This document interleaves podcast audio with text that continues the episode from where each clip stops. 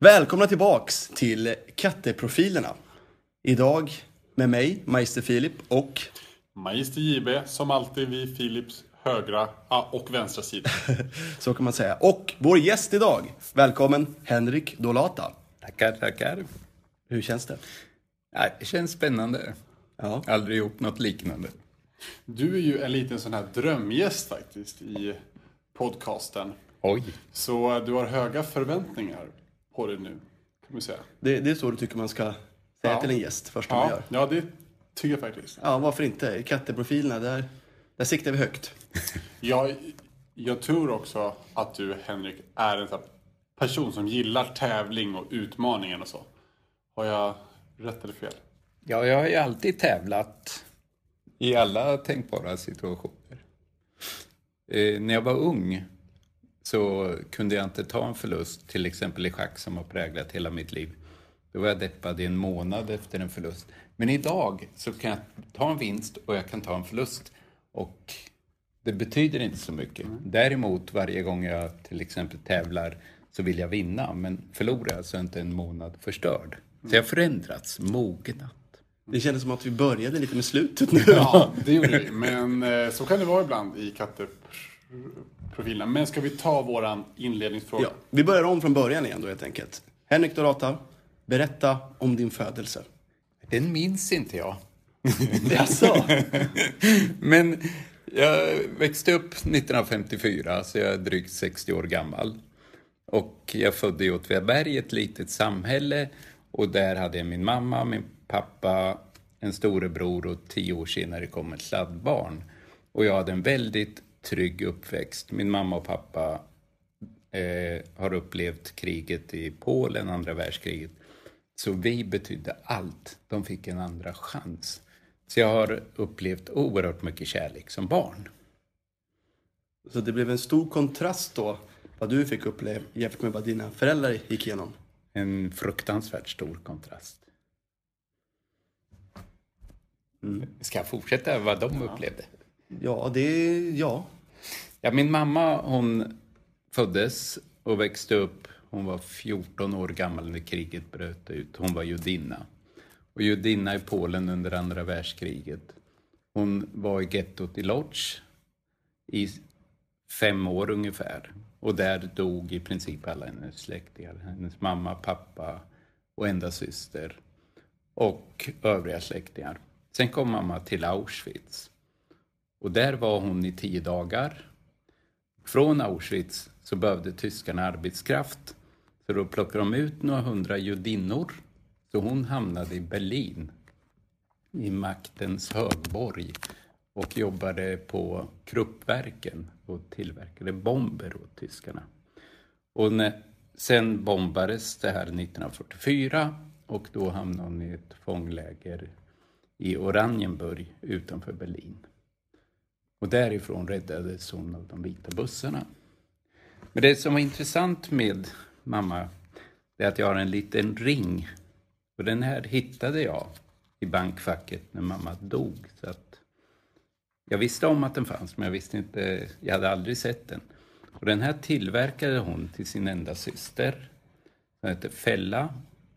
Systern fick den, men hon dog 1942 låg i sängen bredvid mamma och fick sjukdom, en sjukdom, tynade bort och dog. Och då tog mamma den här. När hon kom till Auschwitz så hade hon den här i munnen och en vakt såg att mamma hade någonting i munnen. Men då hade hon två guldringar plus den här ringen. Så guldringarna lämnade hon över och behöll den här. Sen kom den till Berlin. Så hon klarade sig på grund av att hon hade två andra ringar i munnen som hon Ja. kunde lämna iväg. Ja, och den här behöll hon. Sen i Berlin var det väl inga problem, men när hon kom till Sverige så tog de ifrån de här flyktingarna allting, rubbet, så att man inte skulle föra in några sjukdomar i Sverige. Och mamma fick med sig även därifrån. Och jag träffade en som var med eh, i den här hjälpen nere i Malmö. Och hans mamma var med och hjälpte till där och hon var en av två stycken som dog på grund av att flyktingarna förde med sig sjukdomar. Så han var två år gammal när mamman dog 1945. Och när jag berättade att jag hade en ring, då sa han den här är unik för alla flyktingar, de tog av allting. Så jag har alltså en ring som har varit getto till Lodz, Auschwitz, Berlin och sen överlevt Malmö. Så det här är den mest värdefulla grej jag har. Jag brukar hålla föredrag för eleverna. Och när jag tar fram den här, då kan inte jag hålla mig. Inte nu heller. Då kommer det alltid tårar. Och sen står det här med mammas handstil som jag känner igen. Ringen är gjord i getto och är min systers fälla. På en liten lapp. Så den här är unik. Wow. Ja. Pappa han var katolik så han upplevde ju något helt annat. Men han blev soldat, inkallad, kämpade eh, mot tyskarna och han var med om massa olika incidenter där de sköt på varandra och kamrater dog. Sen blev han krigsfånge eh, och hamnade större delen av kriget i Sachsenhausen som ligger utanför Berlin också. Och han berättade om de fem åren där och hur han överlevde. Nu kommer eh, P7 in P7. här. Det hör till. Varje avsnitt av Katteprofilerna har en, Har en gäst. har en gäst. Nej, pappa överlevde där och han berättade bland annat att det som gjorde att han överlevde var eh, egentligen två saker. Det ena var arbetet. De som hamnade i tunga arbeten som stenbrott, de dog som flugor. De överlevde i tre månader kanske i snitt. Eh, och sen var det fimpar. Fimpar. Ja. Pappa plockade fimpar och av tre, fyra fimpar kunde han bygga upp en cigarett och sen kunde han sälja cigaretten till någon som gav det för en limpa bröd. Så pappa fick bröd och mat istället för de här fimparna. Så röksugna var de där. Så pappan överlevde i fem år i Fem år alltså. Ja, så att han där. Och han berättade ja, en hel del historier. Så jag skulle kunna hålla på en timme om det. Men det, de har alltså upplevt det värsta av det värsta, både mamma och pappa. Och därför, när de kom till Sverige, träffades i Sverige. Och Ja, de som jud, ja. de skulle, som jude och katolik skulle de aldrig det. blivit ihop. Eh, inte i Polen och inte egentligen... Men här så var religionen inte det viktiga. De träffades, blev kära och mamma åkte efter kriget till Amerika, var borta ett och ett halvt år. Pappa skrev glödande kärleksbrev och sen kom, han, kom mamma tillbaks och sen gifte de sig och fick tre barn. Och vi betydde allt för dem. Och mamma fick en gång att ja, hon kunde kanske vara sjuk. Då sa hon, om jag dör så spelar det ingen roll. Jag har fått ett andra liv och jag har fått er och jag kan dö nöjd. Sen blev det ingenting av. Men just hon sa det här och det betydde oerhört mycket för mig det hon sa. Hon har fått en andra chans, vi betydde allting. Hur var uppväxtåren i Åtvidaberg? Nej, alltså, det var en sån här lugn, stillsam, det var roligt. Vi var ute i skogen när jag var barn och vi lekte cowboys. Och vi kunde leka i tre veckor. Bara för vi var tvungna att gå hem och sen nästa dag fortsatte vi och körde. Och det var äventyr alltså, ute i skogen. Och vi hade fotbollsturneringar eh, där vi spelade mot andra kvarter och de här var våldsamma. Det var, ja, det var på liv och död de här fotbollsmatcherna. Men det, det var oerhört rolig tid. Ett litet samhälle, inte så mycket att göra men det var spännande att leva där. Men Åtvidaberg blomstrade väl under den här tiden, under det här facit då som, som fanns där. Ja, alltså Facit var ju jättestort. De var ju världsledande på skrivmaskiner och gamla räknesnurror. Och nästan hela Åtvidabergs befolkning jobbade där. Pappa jobbade där, mamma var hemmafru hela livet i princip. Men pappa jobbade där och Facit satsade ju också på fotboll. Så Åtvidaberg var ju då 1972 vann de allsvenskan, 73 vann de allsvenskan. Och då hade de ju eh, eh, Roland Sandberg som är då kusin till min fru Marianne Sandberg. Jaha. Och sen hade de Ralf Edström. Startelvan 1974 i VM, då var det sju Åtvidabergare. Så ett lag har aldrig dominerat svensk fotboll som Åtvidaberg gjorde under den tiden. Det var en glansperiod. Jag såg matcher mot Bayern München, Chelsea och hela Europa-eliten. Men det är ett lite intressant stycke svensk historia tycker jag att Åtvidaberg blomstrade. Det var alltså en Europacupfinal i fotboll. Nej, de spelade kvartsfinal. Kvartsfinal okej, då jag överdrev lite. Men de, alltså den matchen var Men så... tänk dig det idag på Kopparvallen i... i... Ja, men de- de spöade eh, Bayern München med 3-1. Ja. Och de hade ju de här som var med i tyska landslaget, Bayern München. Och tyvärr spelade ut dem eh, 3-1, men de hade förlorat 3-1 borta, så det blev förlängning och straffar. Efter tre straffar ledde Åtvidaberg med 3-2. Sen missade Åtvidaberg de två sista och förlorade 4-3. Och Bayern München vann det året. Så Åtvidaberg hade ett lag som kunde ha vunnit Europacupen, som det hette på den tiden och som är i princip Champions League idag. Det var synd att de inte gjorde det. Sen en annan höjdpunkt var 1966 i Englands VM. Då kom hela Brasiliens fotbollslandslag till Åtvidaberg eh, och bodde där en vecka. Så vi var ju där och tittade på alla träningar och följde de här spelarna. Så jag har sett Pelé, Garincha, Hjalmar Santos, var de som var med i VM-laget 1958 och där 66. Jag har också sett Brasiliens landslag spela mot Åtvidaberg. Det var en fantastisk match. Åtvidaberg tog ledningen med 1-0 och 2-1. Sen förlorade de visserligen med 8-2, men de ledde i början. Jag är helt... Alltså det var en sån tid när allting, livet lekte verkligen. Även i, i skolans värld för dig. Hade du bra där också? Ja, skolan var ju sådär, jag var ganska duktig, men vi hade två elever som alltid var mycket bättre, så de fick femmorna. Sen var de i princip slut, så jag fick alltid fyra. Men mellanstadiet var ganska roligt. Då hade vi en lärare som hette Arvid och han, när vi hade engelska så gjorde han alltid så att vi fick slå upp svåra ord i lexikon och om vi hittade ett ord som inte han kunde så fick vi en krona. Och det var ju stora pengar på den tiden. Så vi fick den här kronan och vi lärde oss massa konstiga ord som vi inte förstod ens på svenska vad de var. Sen Arvid var också sån där att vi gick ju på sko i skolan på lördagar. Och hade vi gjort något dumt så fick vi sitta kvar. Och satt vi kvar, då kom vi hem en timme senare än vanligt. Och då, fick, då frågade jag alltid mamma, vad har du gjort? Och då var man ju tvungen att erkänna, vi talar ju alltid sanning. Så när vi hade gjort något dumt fick vi alltid ett val, kvarsittning eller örfil.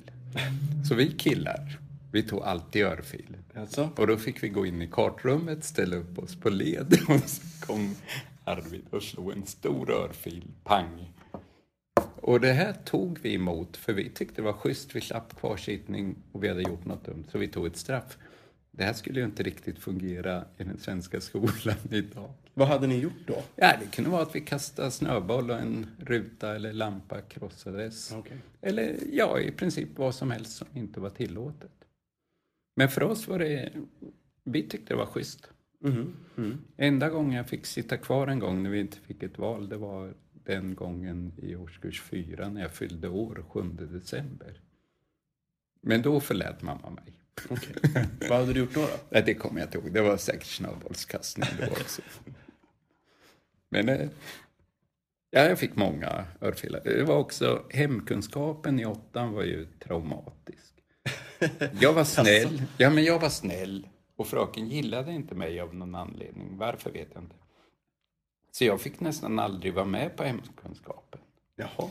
Du, fick inte, du släpptes inte in? Jo, ja, en gång släpptes jag inte in. Men alla andra gånger så... Henrik, kan du åka och köpa mjölk? Och så fick jag åka och handla två liter mjölk och vara borta större delen av tiden. Eller annars kan du gå, åka och plocka blommor. Så. här. Men en gång blev jag inlåst i ett skåp av några kamrater. Och när de skulle låsa dörren så slog jag till med axeln så dörren gick i baklås. Och så kom fröken och hörde någon banka och frågade vem är där? Ja, det är Henrik. Ja, då får han sitta kvar, så. Så jag satt kvar där och jag kände lite grann så här att jag var oskyldig. Ja. För jag låser inte in mig själv i ett skåp och låser från utsidan. Jag, jag kände mig lite oskyldig ibland. Sen kom vaktmästaren efter ja, när lektionen var slut. Och då tog han tag i mig och klämde åt så att jag fick blåmärken på armarna. Och då kände jag lite grann. Men jag sa ingenting hemma då heller. Men då kanske man skulle ha sagt någonting, att man var orättvist behandlad. Så jag tror man, när jag var ung så var man inte riktigt så här att man berättade allt för föräldrarna och föräldrarna ringde upp till skolan och klagade på lärarna. Men annars hade jag ett bra förhållningssätt till alla andra lärare. Och jag tycker jag hade en bra skolgång. Jag trivdes. Ja, så du kände efter du hade gått ut skolan att i skolans värld ville du vara kvar? Nej, Nej, nej, nej. nej, nej. Sen gick jag i gymnasiet och det fanns inget gymnasium i Åtvidaberg så då åkte jag in till Linköping och pendlade i tre års tid. Katedralskolan? Ja, Katedralskolan Linköping. Efter gymnasiet hade jag ingen aning om vad jag ville bli så jag sökte jobb på sjukhuset. Och det var min första anställningsintervju. Jag var så fruktansvärt nervös. Så när den här damen som jag pratade med frågade vad vill du bli? Då sa jag att jag vill bli personalövervakare. ja. Hon tittade på mig. Och jag hade ju tänkt att säga patientövervakare. För då visste jag att då kan man sitta med någon som kanske håller på att dör en hel natt. Och då skulle man kunna spela schack, tänkte jag. Så det var det som var tanken med mitt jobb. Men jag hamnade i köket så jag fick diska ett helt år. Och då var det så här att första halvåret så var jag som de flesta där. Jag smet ifrån alla arbetsuppgifter och vaktmästaren fick leta prång och sånt där tills han hittade på mig. Och sen fick man, det var ett tufft jobb. Den 23 december, efter ett halvår, sa jag upp mig. För eh, jag ville vara ledig på julafton och jag var inte ledig enligt schemat. Så jag sa upp mig 23 december. Sen 7 januari så ringde jag upp och frågade om de hade något jobb. Så jag fick komma tillbaks igen. Så det, det var lite skillnad i det här med att få jobb. Det fanns möjlighet. Så 7 januari kom jag tillbaks och började jobba. Och då ändrade jag helt inställning. Då var det så här, det här är ett fängelse för mig. Jag är här nio timmar. Nu tänker jag jobba. Så jag jobbade och tog alltid de tyngsta jobben.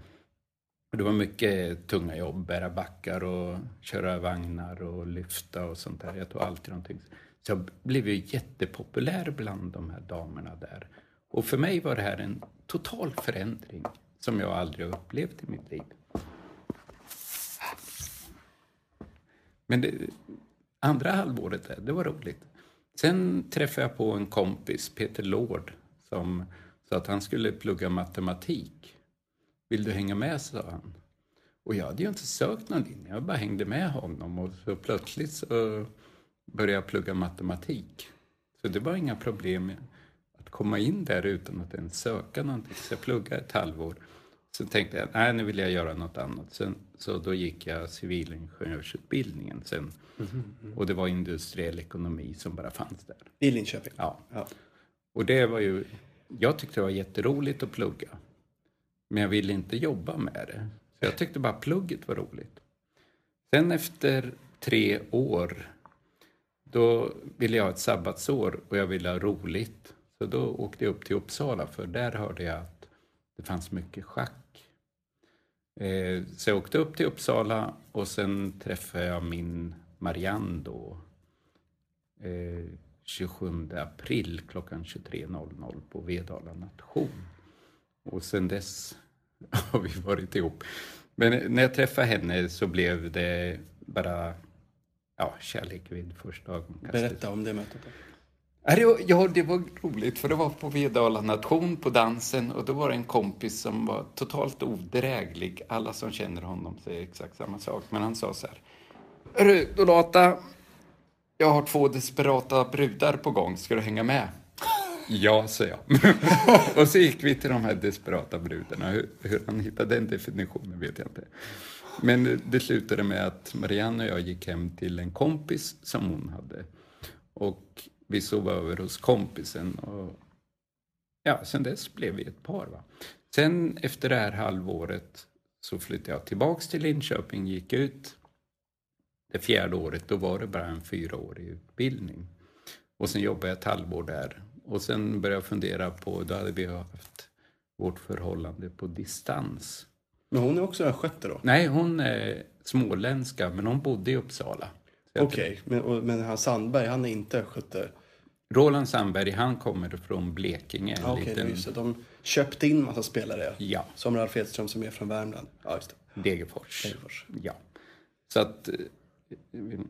Nu ska vi se. Var, Ja, jo, Marianne var Ja. vi. Jo. Nej, nu kommer jag mig. Var var Eh, du flyttade tillbaka till Ja, Linköping. och ni- Jobba. haft Och sen var jag tvungen att bestämma för om vi skulle fortsätta vårt förhållande. Och då bestämde jag för att ja, nu flyttar jag från Linköping, flyttar upp till Uppsala och sen dess har jag bott i Uppsala på samma gård som jag bor nu. Fast vi har bott i fem olika lägenheter under tiden så nu har vi den största lägenheten vi kan ha där. Så nu har vi det bra. Men egentligen, eh, det som har präglat mitt liv, det är när jag var nere i Polen som 13-åring. Vi åkte till Polen ganska ofta. Mammas släkt var ju helt utdöd i princip, men pappa hade släkt. Så vi besökte släktingar och en kusin till mig tog fram ett schackbräde och lärde mig spela schack. Jag var 13 år gammal. Och jag fastnade direkt vid det. Så hela mitt liv har jag spelat schack från 13 års ålder.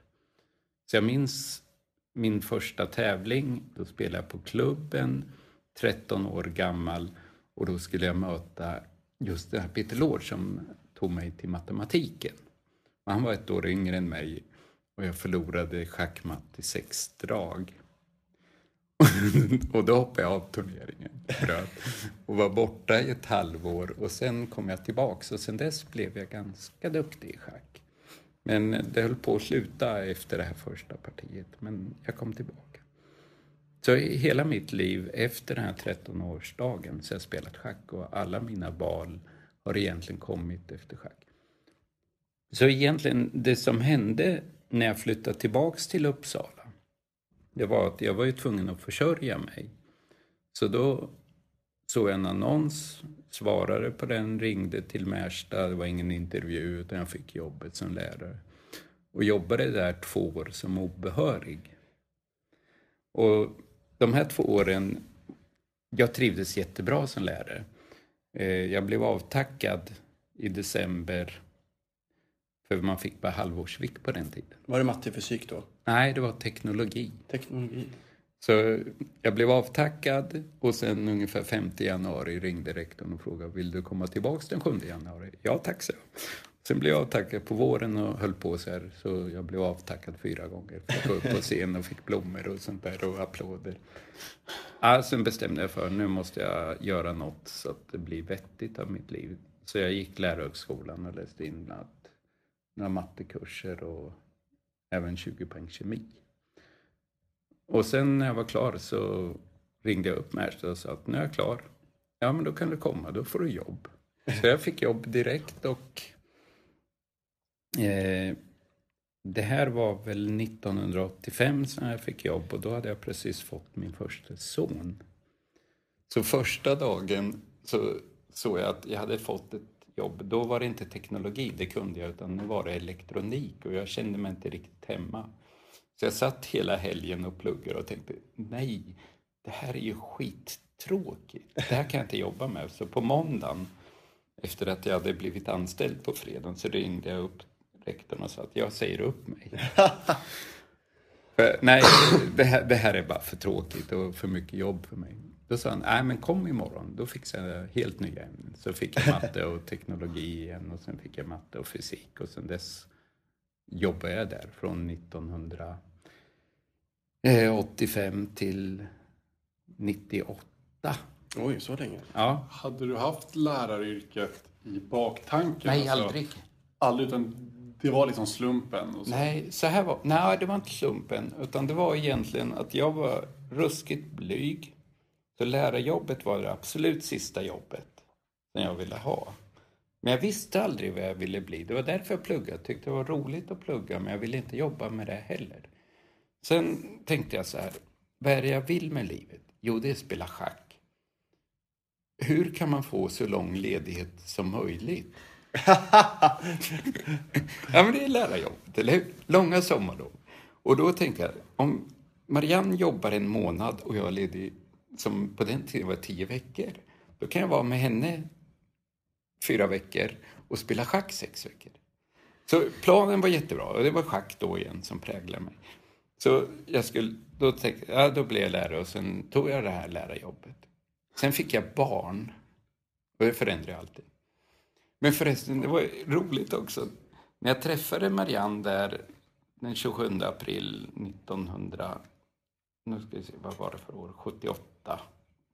Eh, så jag hade varit nere i Schweiz, foto där. Nu visar Henrik en bild här från någon schackresa. Ja, i Schweiz 1900.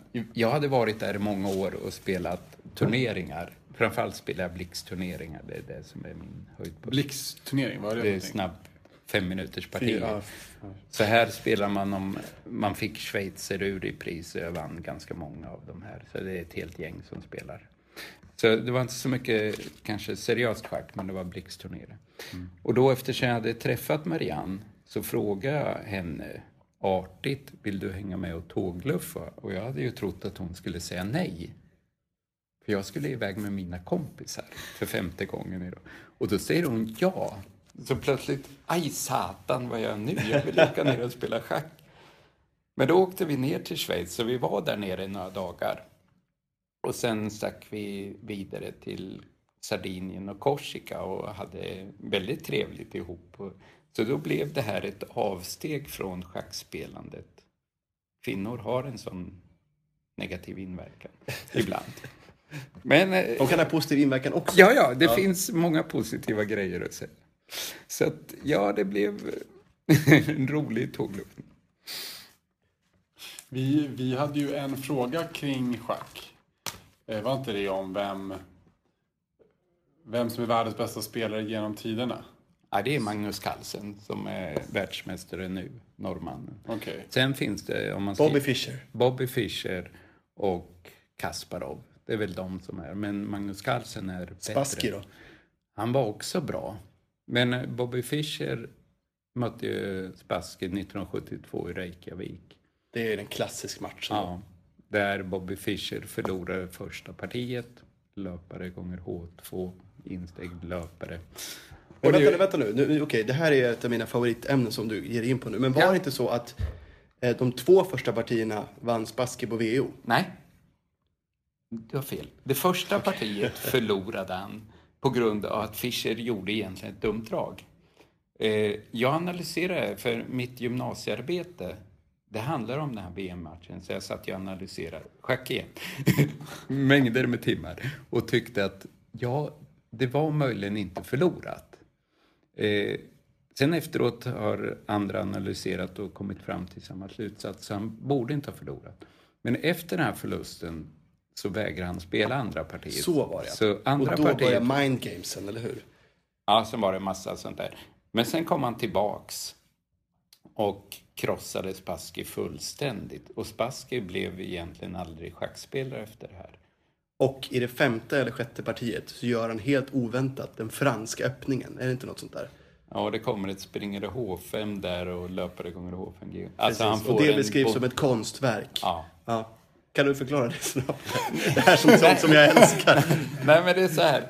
Att det som händer där är att han gör ett drag som egentligen förstör hans bondestruktur. Just det. Och det är bara att det här ser dåligt ut. Och ingen annan spelare skulle ha gjort det, för det var... Det, såg dåligt ut. Men Fischer förstod betydligt djupare att det här gav andra fördelar och han kunde utnyttja den dåliga bondestrukturen och vinna. Så att han vågade ta risker, men egentligen tog han inte en risk heller, för han förstod det här. Men andra förstod inte det. En symbol för livet, mina vänner. Ta chansen och våga göra det. Ja, nej, men den där schackmatchen där i Reykjavik, den är oerhört fascinerande. Men vi kan inte prata om den Så hela. Gymnasiearbetet. Vi måste prata om dig nu, Henrik. Okej, mig. Men eh, vid sidan av schack så har du ju ett annat stort idrottsintresse. Dels så har du ju våran innebandy här på skolan. där du leder mest antal spelade matcher. Du är snart uppe i, hur många? 400. 400. Hör ni det kära lyssnare? 400 matcher. De ligger tvåa. Det är Erik Östergren tror jag. Ja, just det. 360 någonting. Och Per Eklund trea på lite över 300. Ja, någonstans. Vissa gillar schack och andra innebandystatistik. Men det var inte det, det, det du skulle prata om nu.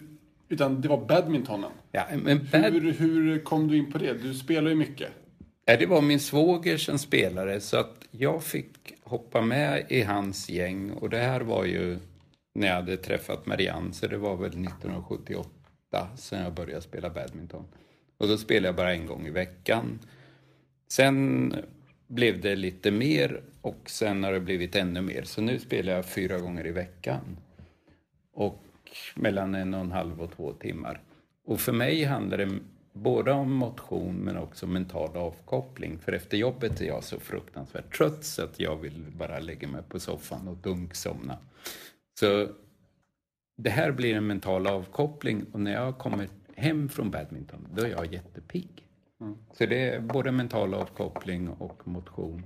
Och sen är det många trevliga kamrater där. Men så länge kroppen håller så kommer jag spela fyra gånger i veckan. Sen får vi se länge den håller. Många av mina kamrater har problem med rygg och armbågar och axlar och sånt där och tvingas lägga av.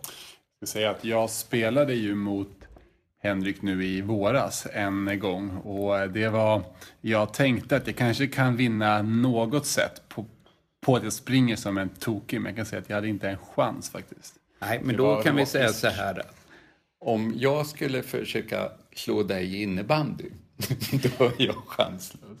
Och jag spelar ju mycket. Och egentligen det det handlar om, jag har mer rutin. Mm. Och det innebär att, och jag tror jag har lite längre slag än dig. Mm. Och badminton är så orättvist. Har man längre slag, du kommer aldrig fram Nej. riktigt lika långt. Så då kan jag stå på mitt plan. Mm. Och sen kan jag antingen låta dig jobba ganska mycket eller annars kan jag avgöra direkt. Men om jag är taskig så vinner jag inte bollen. Nej. Utan jag slår tillbaks långt. Och sen när du är långt bak så lägger jag en kort. Så att du får springa till dess att du ber om att kan vi inte sluta vara trött? Men du skulle göra samma sak mot mig i innebandy.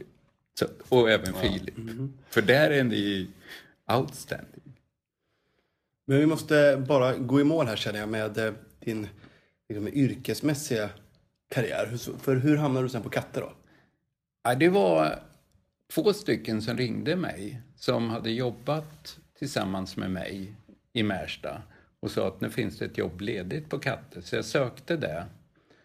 Och då fick jag en, jag tror det var 70 procent i tjänst bara på ett år. Eh, och Ja, det var bara på ett år. Och då begärde jag tjänstledigt i Märsta och då sa de nej, du kan inte få tjänstledigt utan eh, nej, vi ger inte. Så att de ville ha mig kvar i Märsta. Och då blev jag så förbannad så jag sa att jag säger upp mig här och nu i telefon imorgon får jag en skriftlig uppsägning. Så jag chansade på det här på Katedral. Och efter, sen var det så att eh, antagningsenheten hade gjort fel där. Så de hade planerat för ett visst antal klasser. Sen hade de glömt alla som var i utlandet och kom tillbaka. Så plötsligt var det 13 elever som inte fanns kvar. Eller hade plats i gymnasiet på de klasser som fanns. Så då skapade de en ny klass i matematik, fysik och teknologi. Och då ringde rektorn upp och frågade, kan du ta någon kurs? "Ja, jag kan ta rubbet, sa jag. Så jag fick 50 procent till. Så första året jobbade jag 130 procent. På den tiden var det ju multum. Sen efter ett år så kom Gunnar Samuel Salomonsson, rektorn, och frågade, vill du vara kvar här? Ja tack, sa jag. Så sen dess är jag kvar och för mig handlar det nu om att jag hade pendlat till Märsta i mängden med år och nu bor jag mitt över gatan. Så jag kan ju gå hit på kvällar eller helger om jag behöver förbereda. Så jag har ju ett toppenjobb när det gäller närheten men också när det gäller elever och kollegor. Alltså jag trivs oerhört bra här. Eh, Har du gjort Jag det i alla år eller? Ja, förutom då när Gy 11 kom. Nej, men då var det så konstigt. Då kom det nya, elev, nya typer av elever som ställde oerhört höga krav på att få höga betyg. Men de ville inte jobba. Så för mig var det här en chock, för jag hade haft de här klass Francais och Deutsche klasser som försvann med Gy 11. Jag får helt nya elever, de vill inte jobba, de gör inte läxorna. Eh, säger man åt dem att lägga ner mobiltelefon, då var de kränkta. Det var huvudordet kränkt. Och så gick de och skvallrade för rektorn. Och sen fick man gå ner och tala om vad man hade sagt och gjort och försvara sig att man ber dem plocka ner telefonen på ett... Nej, det, det var mycket konstigt. Och det här var ungefär under tre, fyra års tid upplevde jag att det var väldigt tufft. Sen efter den perioden så känner jag att nu har vi elever som vi hade förr på katedralen. Men det var en period som jag tyckte var tungt. Okej. Och det var då jag också, jag fick en hjärtinfarkt för fyra och ett halvt år sedan och det var i den perioden. Då trivdes inte jag. Jag har inga andra... Eh, det enda var negativ stress. Jag röker inte, jag motionerar, jag äter bra så att jag hade ingen, ingen riskfaktor. Men plötsligt får jag en hjärtinfarkt mitt under en badmintonmatch. Mitt under en pågående slagduell. Jag vann den bollen men ingen har frågat hur gick det med den sista bollen. Och jag bara säckade ihop där. Och det här var på en tisdag vi spelade korpmatch och den hade börjat halv åtta så det var senare än jag brukar alltid spela fem. Så jag trodde att eh, jag hade brist på energi bara. Så jag åkte hem, jag var jättetrött. Dagen efter gick jag och jobbade, jag var jättetrött. Torsdagen var det Kristi himmelsfärdsdag. Så då låg jag hela dagen. Och på fredagen var jag ganska pigg. Men då hade jag fått tid hos läkare, så jag åker upp till läkaren och ber honom ta ett EKG. Och då säger han, ja, den här lilla kroken här betyder att du har haft en hjärtinfarkt. Oj då, sa jag. Så jag tycker du ska åka till akuten. Så jag cyklar upp till akuten kommer in där och säger att jag haft en hjärtinfarkt och visar upp EKG. Ja, du får sätta dig och vänta. Och efter en timme, jag är helt slut då, så frågar jag, du, kan inte jag komma in, jag har faktiskt haft en hjärtinfarkt. Nej, du får vänta som alla andra, säger de. Och till slut får jag komma in och då tar de blodprover och så kommer någon läkare och säger, du har haft en massiv hjärtinfarkt. Oj då. Så upp på salen och sen dagen efter opereras jag och den operationen går snabbt och smidigt. Den går bara in genom armen här och jag fick se hela operationen i direktsändning på storbilds-tv. Och sen suger de ut, en del säger det är sprängning, men det här var inte sprängning utan det var en typ dammsugning via armen upp till hjärtat och suger ut två stycken små proppar som jag har haft. Och läkaren sa då att ja, du har tur som överlevde det här. Och sen opererar de in en stent som blåser upp det här. Och det var ungefär en fyra dagars dipp för mig. Alltså från tisdag till lördag. Och sen har jag mått bra. Så jag var aldrig rädd. Jag förstod ju inte från början att det var en hjärtinfarkt. Men just när de sa massiv hjärtinfarkt, då tänkte jag oj, blir det värre besked? Jag fick en fråga från en kollega till oss idag eh, som just undrade hur jag berättade att vi skulle intervjua dig och då frågade den här kollegan hur den här eh, hjärtinfarkten eh, infarkten har påverkat dig som person. Har det, har det gjort något med ditt liv? Din syn på livet. Ja. Nej, egentligen har det nog inte förändrat min syn riktigt. För jag fick ingen dödsångest eller något sånt där. Jag tror man måste ha det för att förändra. Eh, däremot är jag tacksam för att jag lever och att jag opererades i Uppsala av sådana proffs som kunde det här. Men däremot när jag kom tillbaks till skolan så fick jag så fruktansvärt mycket kärlek av alla kollegor. Eh, jag fick blommor hem och eh, hur mycket mejl som helst och sms och sånt här. Och sen kramar av alla här på skolan.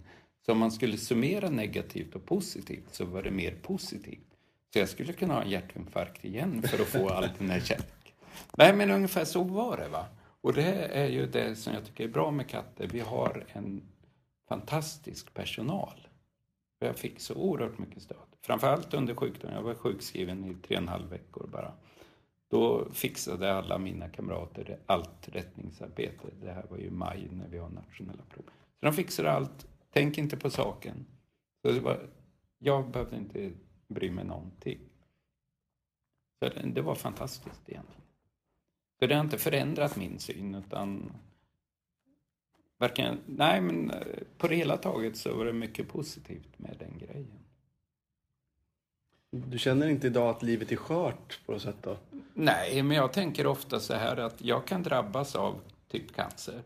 Och då blir det ju något helt annat. Mitt var så snabbt förlopp och sen har jag mått bra. Så att jag har inte fått den där känslan. Utan ja, jag lever, jag är tacksam för det och hoppas att när jag ska sluta mina dagar att jag får en hjärtinfarkt till hellre än att få cancer och lida. Får jag bara fråga av nyfikenhet, där när du fick på, under badmintonmatchen, hur kändes det rent fysiskt när den slog till? Ja, det var mitt underslag. Jag sprang fram och smashade in en boll. Och jag bara säckade ihop. Och sen fick Benen jag... vek sig på något sätt? Ja, alltså all energi bara tog slut. Så jag bara säckade ihop och kände direkt att här var det någonting som har hänt. Men jag trodde som sagt att det var energibrist. Så jag bara säckade ihop. Jag sa att jag kan inte spela. Jag gick och la mig och mina kamrater gick och köpte banan. För att de trodde också det var energibrist. Och så jag sa, nej jag kan inte fortsätta. Utan jag, bryter. Och jag hade svettningar, jag hade kände mig oerhört trött bara. Men jag hade inte de här symptomen med värk ute i armen mm. som man brukar ha. Så när jag ringde till läkaren och beskrev det här så sa de inte någonting, kom in, vi måste testa dig, utan de trodde nog att det var energibrist ungefär som jag. Och det tycker jag läkaren ska ju kanske ha mer kunskap än vad jag har. Så att, ja men det, det var så snabbt förlopp, fyra dagar och sen var det opererat och sen mådde jag bra. Då eh, tänkte jag, vi eh, har ju några klassiska frågor här som ja. vi alltid ställer i podden och nu har vi kommit fram till en av dem som är Färgar du håret? Nej, aldrig och jag har sagt det. Jag, jag är över 60 år gammal och har ju ganska svart hår fortfarande. Det är lite grått här så här. Men jag är fortfarande svart. Men jag har aldrig och kommer aldrig någonsin att färga håret. Så det är äkta vara. Men du, du, har, du har ju lite flera bilder här, apropå hår och så här. Vad, vad är det för bilder? Ja, det, den, den, här är i lump. Och då, ung, ja, så ser jag ut i alla fall. Sen, det här är ganska roligt. Det är, jag kommer inte ihåg vilket årtal det var, men jag sa till Marianne som rökte att jag kommer inte raka mig. En mustasch och skäggprydd bild tittar vi på ja. här. Och en ölburk ska läggas till. Ja. Eller är det det? Ja, det är en, ja, Det är Åbro står det. Åbro. Så jag sa till Marianne, jag kommer inte raka mig förrän du slutar röka. Så skägget växte och det där växte och jag ser ut som en eh, taliban ungefär. Eller lite tysk nästan. Ah, tyskt utseende med den där muschen liksom, eller? Nej, jag, ser ut, jag såg ju förjävlig ut under den här perioden. Men sen, jag tror att jag ser ut ungefär så här i tre års tid. Och sen rakade jag av mig skägget en dag och sen några dagar senare mustaschen också. Och då var det en sån... Marianne slutade ju inte röka. Nej. Så det, det var inget hot det här, hon rökte. Sen slutade hon, och det var 20 år sedan som hon slutade, men då var det hon som bestämde. Jag kunde inte bestämma över henne. Men jag tänker på den här bilden från din ungdom där. Det är lite John Travolta. Nej, nej, nej, vänta, nej, vänta nu. Bob Dylan. Ja, Bob Dylan. Bob ja. Dylan. Har du fått höra det? Nej, aldrig. Vi får lägga ut en bild på den här ja, i samband med avsnittet. Vi eh, fotar. Den följer med på något Allt sätt. det här sen så kommer ut. Den här Bob Dylan-bilden är ju otrolig. Men du, det här var också en rolig grej. När jag ser ut så här så ser jag ut så här på ett körkort med skägg och mustasch. Sen var det ett bankrån här nere på Storgatan. Och då stod jag i träningsoverall inne på vår gård och skulle byta till vinter sommardäck så jag hade lyft upp bilen och höll just på att ta, ut, ta bort däcket.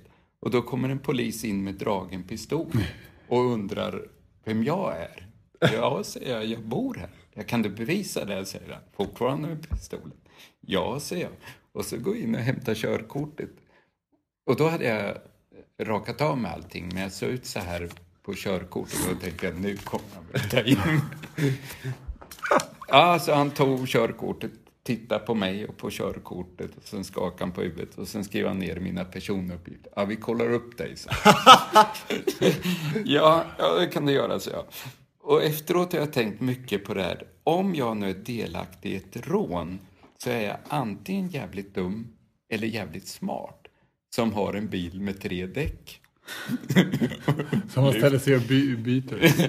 ja, jag vet inte, men jag, jag har ifrågasatt lite polisens hur han betedde sig då. Men det, det var ett sånt här roligt exempel. Jag har en, Sen hände ingenting mer. jag har en fråga som vi fick av en annan kollega. Och det är någonting som vi kanske inte kommit in så mycket på. Eh, så du får väl svara om du tycker att det känns okej. Men det här med din judiska bakgrund. Ja. Hur har den präglat dig? Ingenting. Ingenting? Nej. Och så enligt judendomen så följer man modern. Enligt katolicismen så följer man katolska kyrkan. Så jag är både jude eller katolik. Men mamma sa klart och tydligt, jag kommer inte uppfostra dig som jude. Jag vill inte att jag ska drabbas av det hon hade drabbats. Så jag levde i ett, upplevde att vi hade, pratade inte så mycket om religion och jag fick ta ställning till själv vad jag ville tro på. Så jag har aldrig trott på Gud och aldrig deltagit i varken judendomen eller katolicismen. Så att det har inte präglat mig. Däremot eh, så är det ju mammas och pappas upplevelser som har betytt oerhört mycket för mig och som gör att jag kan ta ställning till alla former av förtryck. Och jag, för, jag har ju varit ute på skolor och berättat om det här, eller framförallt på katedral, men jag har varit på några andra gymnasieskolor och berättat. Och då har jag fått många elever som har gråtit och kommit fram efteråt. Och då är det så här som har upplevt exakt samma sak fast i Jugoslavien.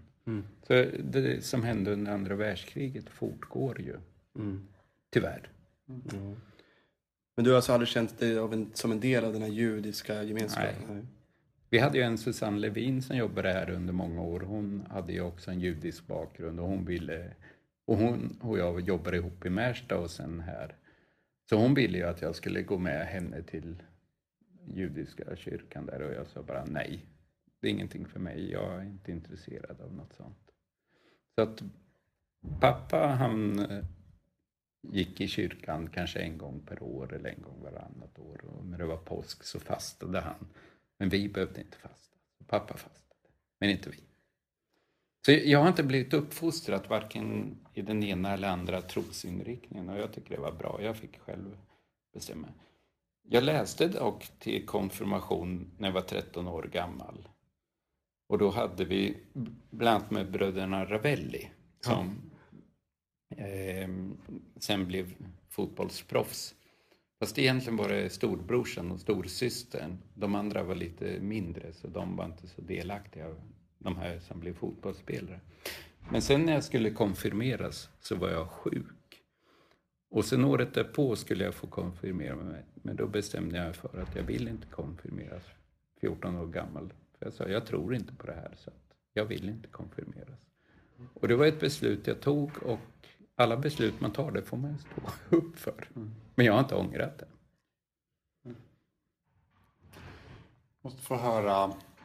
Du, är, du verkar vara väldigt engagerad i, i dina elever. Jag tänker på, på din arbetsdörr här så finns det nästan utklipp från när, när liksom eleverna har gjort bra saker så där, efter sin skoltid här. Och nu håller kvällsvaktmästaren på Sätt sätta upp stolar. Eh, men eh, vad, var i kommer, kommer detta människointresse? Har det alltid funnits där? Oj, det var en svår fråga. Det vet jag egentligen inte. Men däremot, när jag jobbat som lärare så har jag alltid satsat 100 procent och kanske mer och försökt hjälpa eleverna. Och Jag har, haft, jag har jobbat även på komvux i Märsta. Och många elever har efteråt kommit och sagt ah, vi, vi har aldrig stött på någon som har ett sånt tålamod som du och orkar hjälpa oss så mycket trots att vi har så många dumma frågor. Så att jag har hela tiden känt att jag tycker det är roligt att hjälpa och har jag elever som vill, då satsar jag alltid 100 procent. Men de här fyra åren när jag hade elever som inte vill, jag kan ju inte dra fram en klass om inte de vill. Vi måste ju samarbeta åt samma håll. Så att komvux, det var ju många elever, jag fick jättemånga fina presenter då, men den roligaste presenten då, det var när jag hade haft eh, flygtekniker. då kom de, och inget paket eller någonting, utan de bara kom med en whiskyflaska, dunk på bordet. Den här ska du ha. inget tal, ingenting. Bara dunk. Men det var roligt att få. Så att jag, jag har haft bra, tycker jag, förhållningssätt med nästan alla klasser Utom de här fyra tunga åren här på katten. Men det här tålamodet som du pratar om då? Vad tror du det kommer ifrån? Ja, det är nog att jag är ju schackspelare. Och jag har spelat två partier över 13 timmar. Så jag kan ha tålamod och verkligen... Det här är ett parti jag vill vinna. Jag försökte eh, två gånger. Det ena av de här 13 timmars partierna vann jag och det andra blev remis. Men jag har ett tålamod och jag har ett starkt psyke när det gäller. Jag är också, alltså som schackspelare så är jag så här, jämfört med alla här på skolan så är jag väldigt bra, men jämfört med Sverige-eliten så är jag långt ifrån dem. Men däremot i blixtschack så kan jag slå många i Sverige-eliten. Kanske om vi spelar tio partier att jag vinner två och förlorar åtta, men jag är aldrig chanslös mot dem. Eh, om man får skryta lite, får man? Absolut. Då har jag slagit världstrean en gång i ett blixtparti. Det var tio minuter, så det är ganska lång tid. Vanligt blixt är fem minuter, så det här var tio minuters parti. Vad hette den personen? Han hette Barejev. Så han, han var inte riktigt världstrea, men han blev det strax efteråt. Kan du beskriva slutdraget som du gjorde? Eh, ja, egentligen var det en öppning som ingen annan spelar, som bara jag spelar. Bobby Fischer. Nej, ungefär. Men, och det är, för de här är så oerhört kunniga. Och skulle jag spela en vanlig, till exempel siciliansk parti, då skulle jag bara bli utmanövrerad. Så jag spelar en variant som han aldrig har sett. Som troligen inte är bra, men jag kan den för jag spelar ofta den. Och han kom helt lost och jag krossade honom. Och då var det en sån här blixtturnering så, med en hundra man. Så när jag slog honom, så jag visste inte vem det var. Utan jag såg bara att jag ska sitta på den platsen, så jag gick dit. Sen efteråt kom mina kamrater och sa, vet du vem du slog? Nej, Barejev. Ah. och sen tror jag inte jag vann något mer parti Jag blev så chockad att jag hade slagit en världsspelare. Men han var helt utspelad. Så, och jag har ju vunnit många turneringar just i blixt och snabbschack. I, här i närområdet, i Märsta, i Uppsala, vunnit Horndal och Grisslehamn. Men det är så här endagars blixtturneringar som jag tycker är roligt att åka på. Vad tycker du om musikalen Chess? Eh, den har inte jag sett. Inte? Nej. Har du, men har du någon favoritlåt från den? Alltså när det gäller musik, hemkunskap var inte mitt bästa ämne. Musik är ännu värre. Jag tänkte vi, skulle, vi får avsluta med Anthem sen. Eh, men innan det.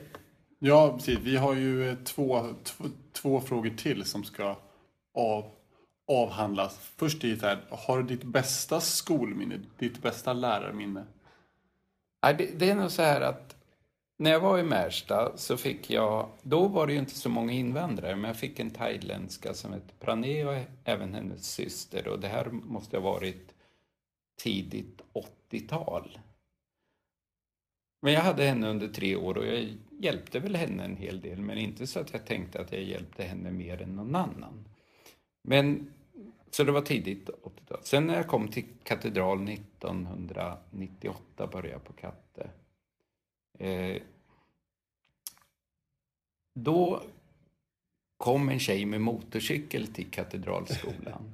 Och just den dagen så var jag i Märsta, för då skulle jag Jag hade ledigt en dag här så jag skulle tömma allt eftersom jag hade sagt upp mig. Så jag var i Märsta och hon var här.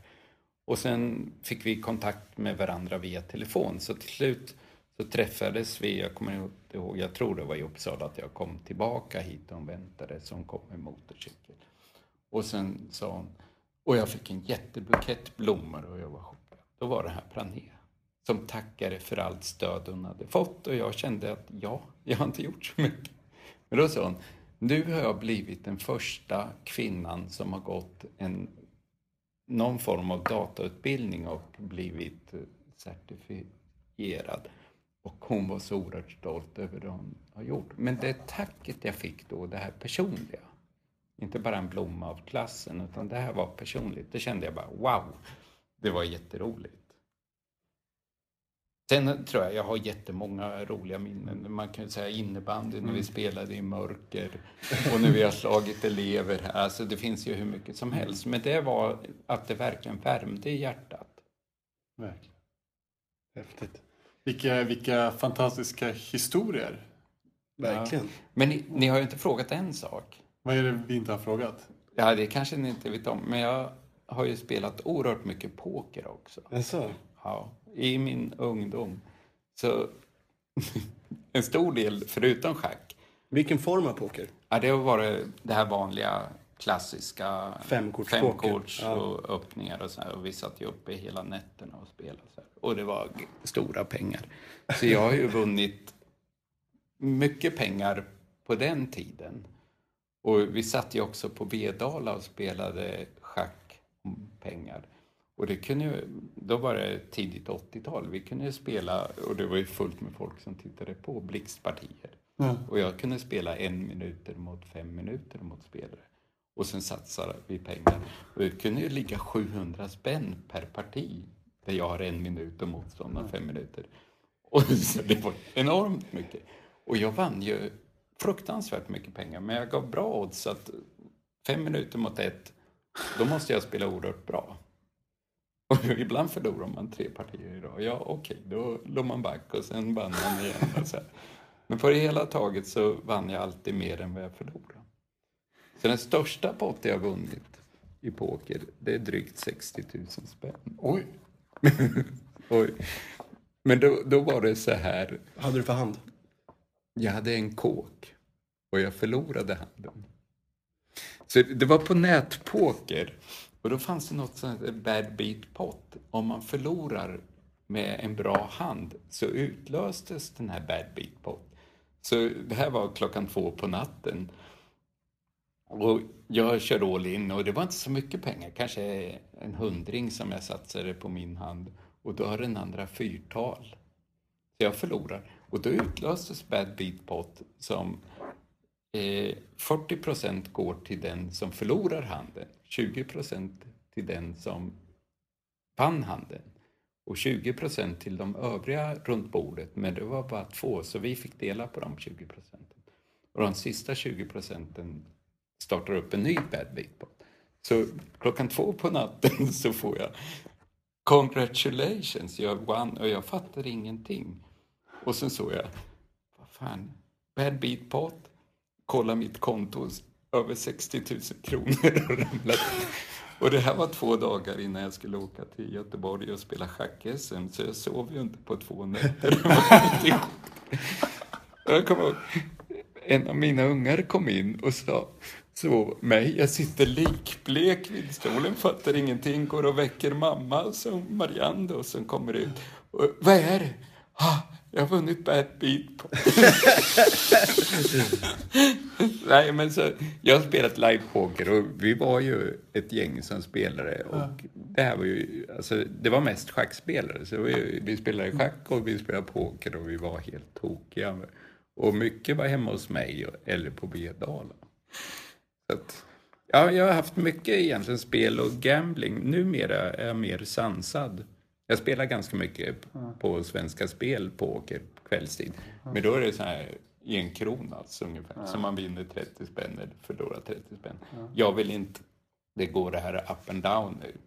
Men under den tiden jag spelade så spelade jag alltid med pengar som jag hade råd att förlora. Det var inte så att jag spelade bort hyran som en del av kamraterna kunde göra.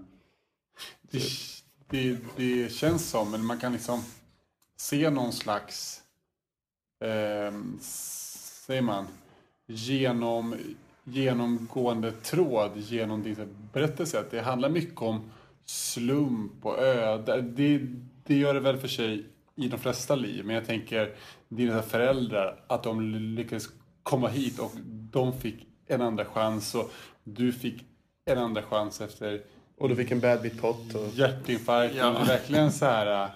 Jag, jag måste bara... Livets lotteri. Ja, en sak till. Marianne och jag träffades ju 1978 på Vedala nation där. Och när vi hade varit ihop i 38 år i december förra året, då gifte vi oss. Så det är också som schackspelare att jag har tålamod. jag väntade i 36, nej 38 år innan jag slog till.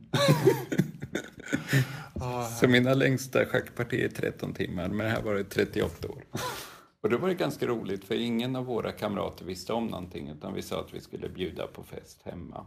Och några dagar innan så sa vi att eh, ah, vi tar det på en restaurang istället. Och de kom dit och då hade vi gift oss och vi stod där, Marianne med brudbuketten och jag med kostym och så här.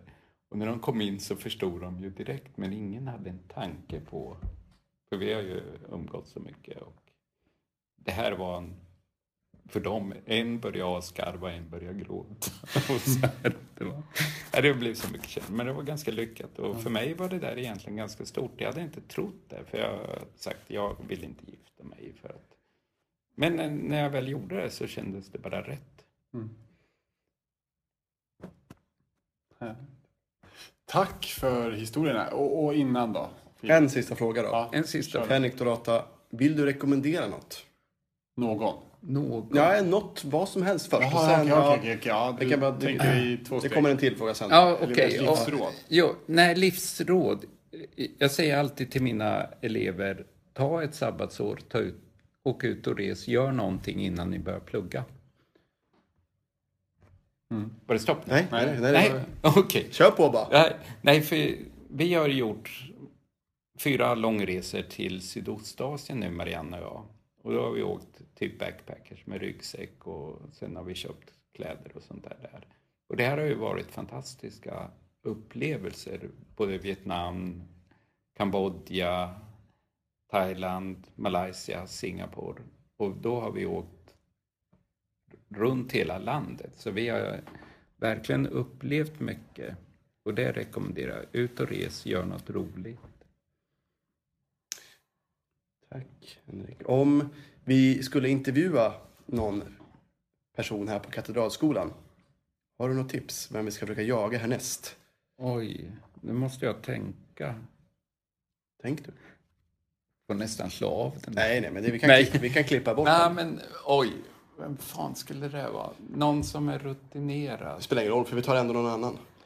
Ah, nej, men egentligen tror jag Mats Olof. Ja. Han är ju musiker. Mm. Han är från Horndal. Ja. Och jag tror att han kan berätta ganska mycket. Verkligen. Ja, Det här med att han lärt sig teckenspråk och sådär till exempel. ja. Ja. Och han, ja, men jag tror att han kan vara intressant. Jag tror, egentligen tror jag många, alla har ju sina livshistorier, men jag tror att många har varit där. Gymnasiet, plugg, jobb, barn. Har i alla fall, tycker jag, gjort ganska mycket tokigt i mitt liv och det är tur att ni inte har ställt alla frågor och berättat om alla tokigt. Men eh, det gör att jag tycker att någonstans har jag haft ett ganska roligt och spännande liv. Det är inte det här vardagslivet och det här med poker tror jag inte någon vet om här. Men för mig var det här en väldigt rolig period. Jag levde ändå eh, kontrollerat. Jag hade kamrater som ena dagen var de panka och kom till mig och lånade pengar till hyran. Och sen när de skulle betala, då hade de inte betalat hyran utan hade satsat på en poker någonstans och förlorat det också. Så fick man vänta på pengarna. Så att jag har alltid levt, det här är min pokerkassa, det här är min hushållskassa. Så jag har aldrig chansat någonting. Och de pengar jag förlorar, ja det får jag ta. Men jag har aldrig gråtit över en förlorad. Men sen slutade jag spela poker helt och det var att det kom in killar med hundratusen på fickan. Och då kände jag att nej, nu är det alldeles för mycket. Jag hade inte riktigt de pengarna att spela och satsa. Mm. Nej, så att ut och res, gör roliga grejer. Livet går inte i repris. Och nu har, ni, nu har jag pratat i över en timme. Klipp ner det här till två minuter. hur, har det, hur har det känts då att få, pra, att få prata så här? Jag tyckte det här var jätteroligt. Mm. Kul, det tyckte vi också. Verkligen. Stort tack för att du ville ställa. Var det som du hade förväntat dig? Jag är ungefär så här att jag har nästan inga förväntningar eller Nej. tänker inte så mycket. Ja, det här får ge sig. Men sen då, några minuter innan så tänkte jag, ja vad ska...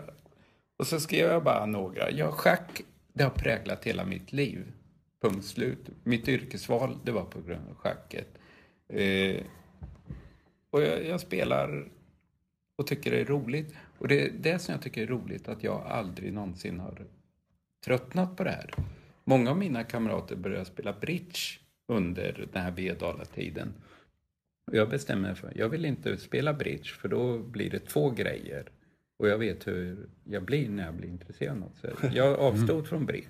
Däremot poker kom jag in ganska tidigt och tyckte ja, det var ju roligt och jag vann massa pengar. Så det var en helt annan grej. Mm.